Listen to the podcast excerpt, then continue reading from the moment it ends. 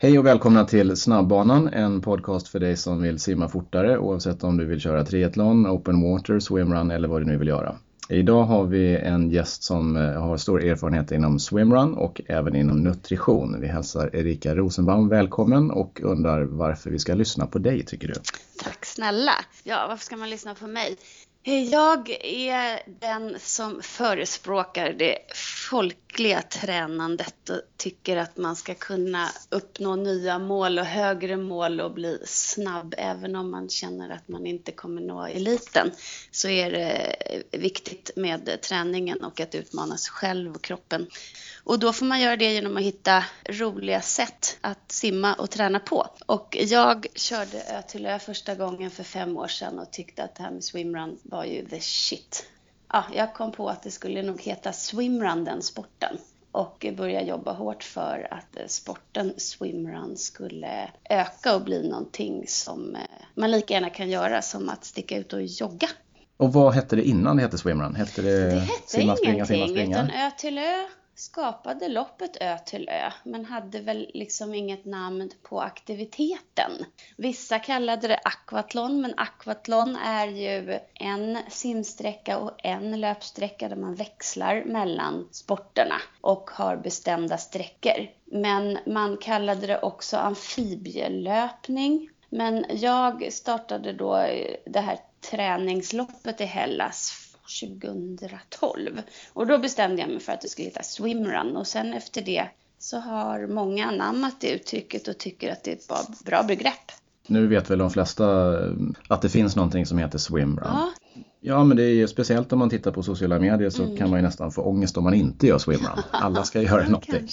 Varför ska man eh, ta sig till swimrun om man ser det och det ser lite kallt och jobbigt ut? Speciellt en dag som det kanske är 6 plusgrader om folk har varit ute och simmat och springer. Varför ska man hålla på med det där? Ja, men jag gillar variationen och utmaningen. Men är det kallt som du säger så blir det också en positiv del att man är uppe på land och springer sig varm och sen hoppar man ner i vattnet och svalkar av sig och så varvar man det samtidigt som man är ute i naturen och skogen och utnyttjar, speciellt här i Sverige, men på alla, i alla delar av världen, hur fint det faktiskt är och vilka möjligheter det finns att simma i öppet vatten och springa i skogen. Att det är väldigt det är befrielse. Det är, jag tycker att man är en del av naturen och speciellt under Rötelös så är man en del av skärgården, inte bara en betraktare. Utan att man är, man är en del av hela alltet, tycker jag.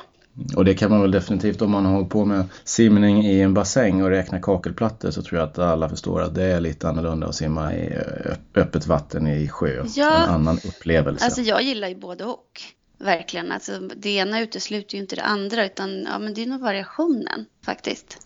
Och om man bestämmer sig för att nu ska jag köra ett eh, swimrun, var ska man, hur börjar man? Börjar man med jag ska köpa jättemycket utrustning för då blir jag mycket snabbare eller hittar jag en grupp att träna med eller hur skulle du gå tillväga? Ja, men jag tycker precis det här med att göra det tillsammans med andra är ju det roligaste så man kan dela den här positiva upplevelsen tillsammans men också hjälpas åt att dra och pusha att det är viktigt. Men jag tycker absolut inte att man ska behöva sticka iväg och köpa massa dyra prylar. Har man en gammal våtdräkt som är utsliten så klipper man av den. Jag tycker man klipper av den strax ovanför knäna och ovanför armbågen. Och sen eh, ett par, man kan ta vilka skor som helst. Det blir halt på klipporna hur man än vrider och vänder på det. Så kan man bara få testa sig om man gillar det. Och gör man det mycket och känner att man gillar det ja men då kanske man eh, köper till lite prylar. Men egentligen behöver man inte ha mer än en simmössa. Inte ens glasögon behöver man tycker jag. Jag simmar swimrun och eh, öppet vatten utan glasögon. Okej, okay. det är lite ovanligt. Ja, men det kanske det är. Eh, ja, men jag tycker jag. det blir ännu mer del av upplevelsen att man, ingen avskärmning utan att man är i hela. Och jag tycker det har funkat jättebra. Jag körde hela Ö till Ö förra året utan glasögon. Så att mössa, en, en simmössa, någon form av våtdräkt och ett par skor. Egentligen behövs inte mer, men så vill man lägga till en dolme för att hålla flytläget bättre eftersom skorna trycker ner så är det bra. Då sätter man ett litet gummiband i så att man kan ha den på låret. Och sen är det många som kör med paddlar. Men svårare än så behöver det inte vara. Vad träningsmässigt, om man är en vanlig motionär som kanske kör, man har medelskick konditionsmässigt, hur mycket måste man träna för att klara av något, kanske inte ö till ö utan något av de lite kortare loppen?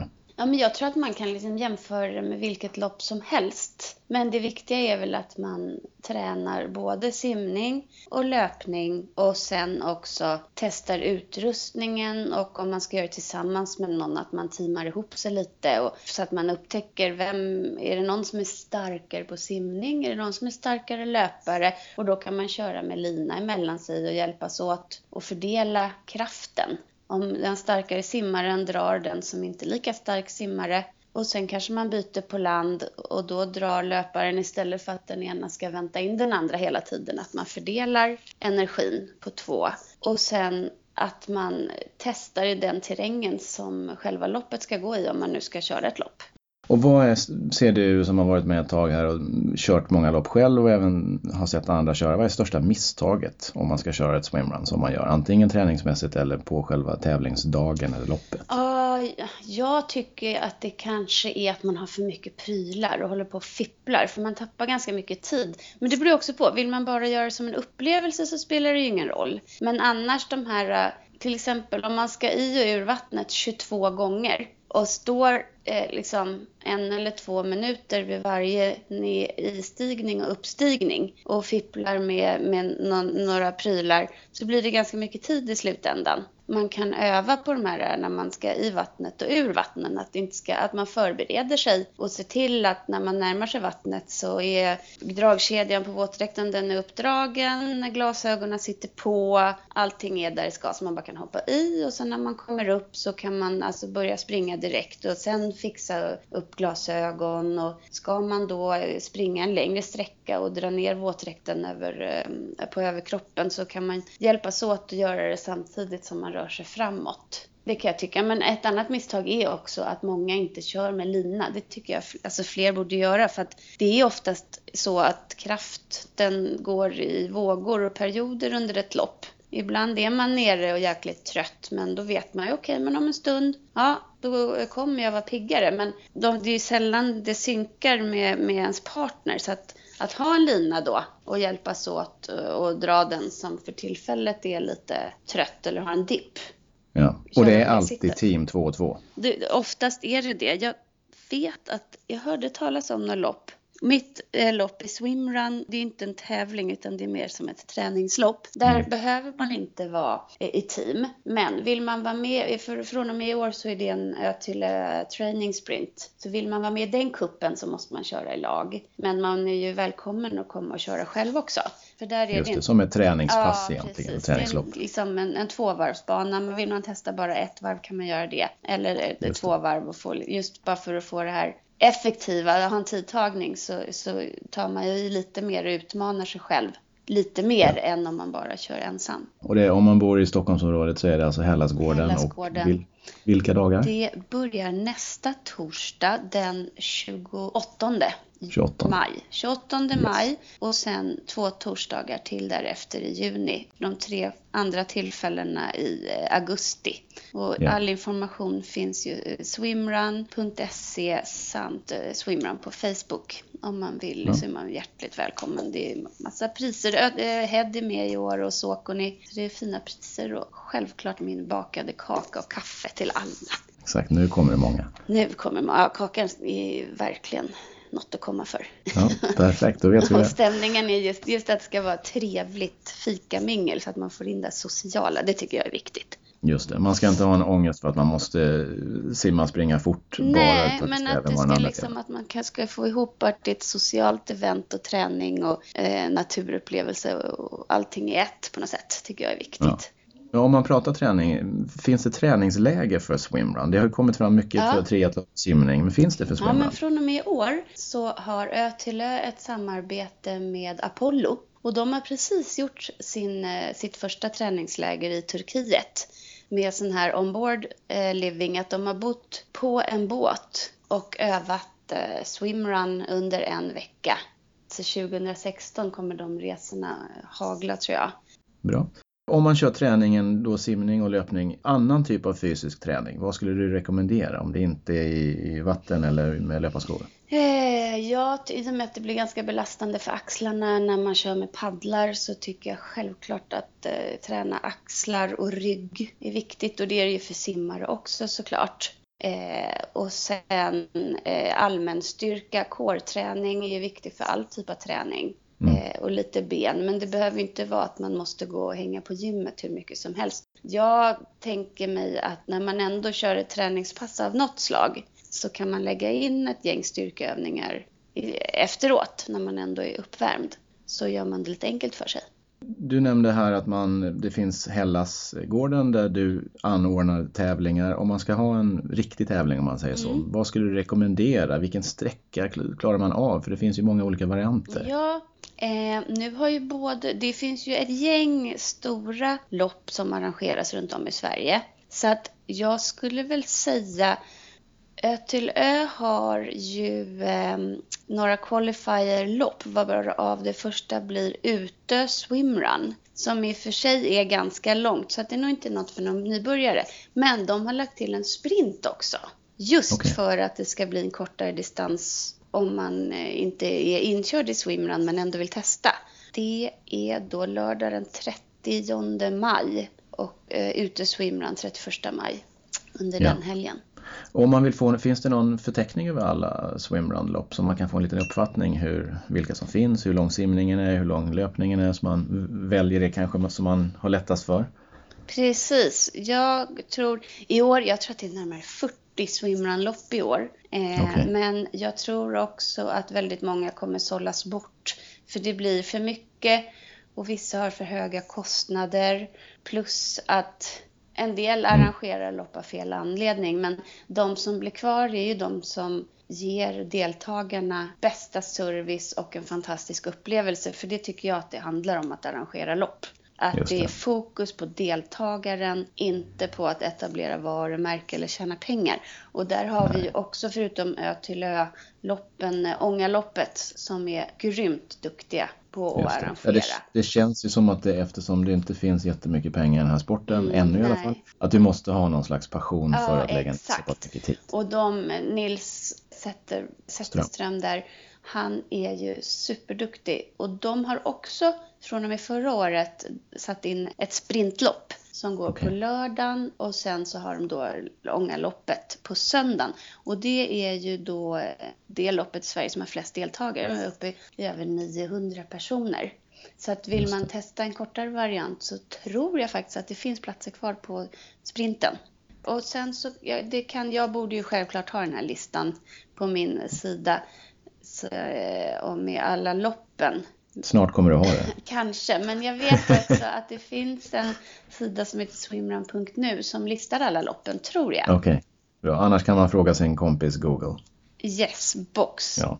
Och notera att vi inte sponsrar Google Nej, precis. ännu. En sista fråga angående swimrun-delen här. Tror, tror, du att den här trenden håller i sig? Det tror jag absolut att ja. det gör. För jag tror också att det är många som gillar utmaningen med triathlon. Men skillnaden med swimrun är att man slipper den här dyra cykeln och punktering och krånglet som det ändå kan innebära med, med en cykel. Och det är mm. lättare att köra träningspass inom swimrun. Det är svårare att sticka ut och köra triathlon några gånger i veckan. Det blir krångligt på något sätt att ja. träna på det sättet. Även om jag älskar triathlon också tycker att det är helt fantastiskt. Det kommer också hålla i sig. Det blir lättillgängligt och eh, att det blir mer folkligt. Så att det är lite där jag i alla fall tycker att vi bör jobba mot den här folkliga biten av triathlon och swimrun. Men jag, det är absolut här för att stanna. Om man då tar den här folkliga delen och sätter den, kanske i motsatt eller inte, till att det blir en riktig sport inom citationstecken. Ja. Att den blir del av ett idrottsförbund och liknande. Finns, finns det någon motsättning? Är det bra? Är det dåligt? Tror du att det kommer hända? Eh, det kommer säkert hända så småningom men jag kan egentligen inte se någon anledning till varför det skulle behöva bildas ett förbund just nu.